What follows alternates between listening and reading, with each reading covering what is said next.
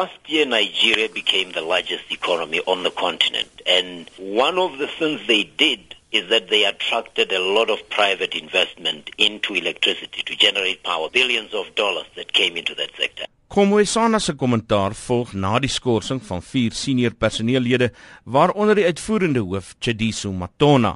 In the end, if they are state-owned enterprises, they're, they're as good as changing a minister or changing a, a director general of a department. I don't think the explanation is clear. With, with the current EXCO one, the chairman, I remember him being interviewed saying, have you lost confidence in the CEO or something of that sort? And he said, no, we haven't lost confidence in the CEO. Well, if you haven't lost confidence in the CEO, but you're saying there are problems with the organization, why don't you talk to the CEO then?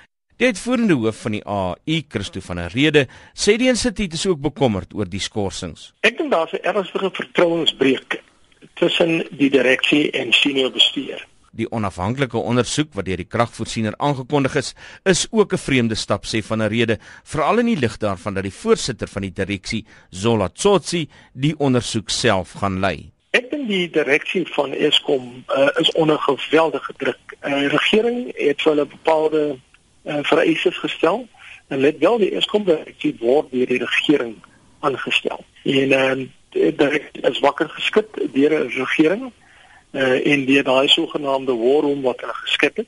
Daar is verder gerugte dat Eskom se finansiële verknorsing nou al so groot is dat sommige personeel nie eers betaal kan word nie.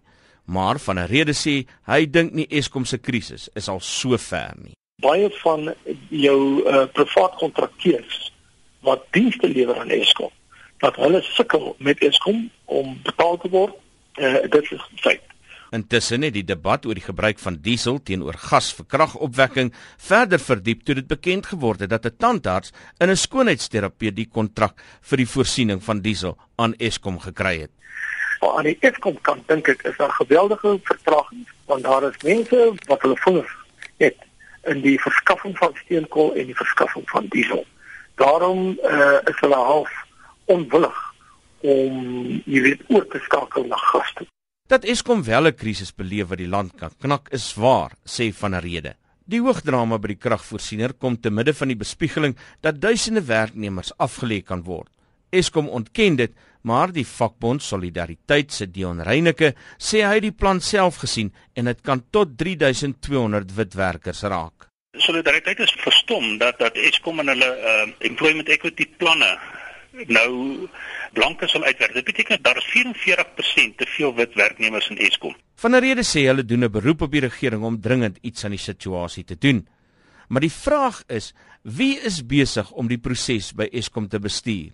Is dit die minister van openbare werke, Lynn Brown, of adjunk president Cyril Ramaphosa wat vir hierdie doel aangewys is? 'n Mens sou verwag dat Cyril Ramaphosa meer intens sou betrokke wees en ek dink in die agtergrond speel hy 'n geweldige rol en dit plaas geweldige druk op minister Brown om dinge reg te by is. Dit was Christo van der Rede van die AI.